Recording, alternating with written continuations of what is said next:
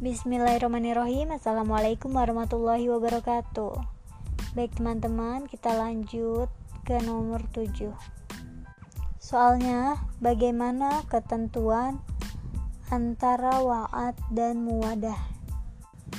Dari sumber referensi jurnal unisba.ic.id Dalam kajian fikih muamalah selain terdapat konsep wa'ad atau janji Terdapat pula istilah muadah atau saling berjanji.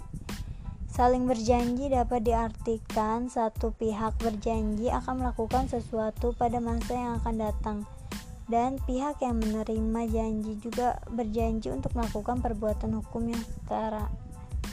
Mungkin penjelasan dari saya cukup. Uh, kurang lebihnya mohon maaf untuk nomor selanjutnya. Nantikan sesi berikutnya. Terima kasih. Wassalamualaikum warahmatullahi wabarakatuh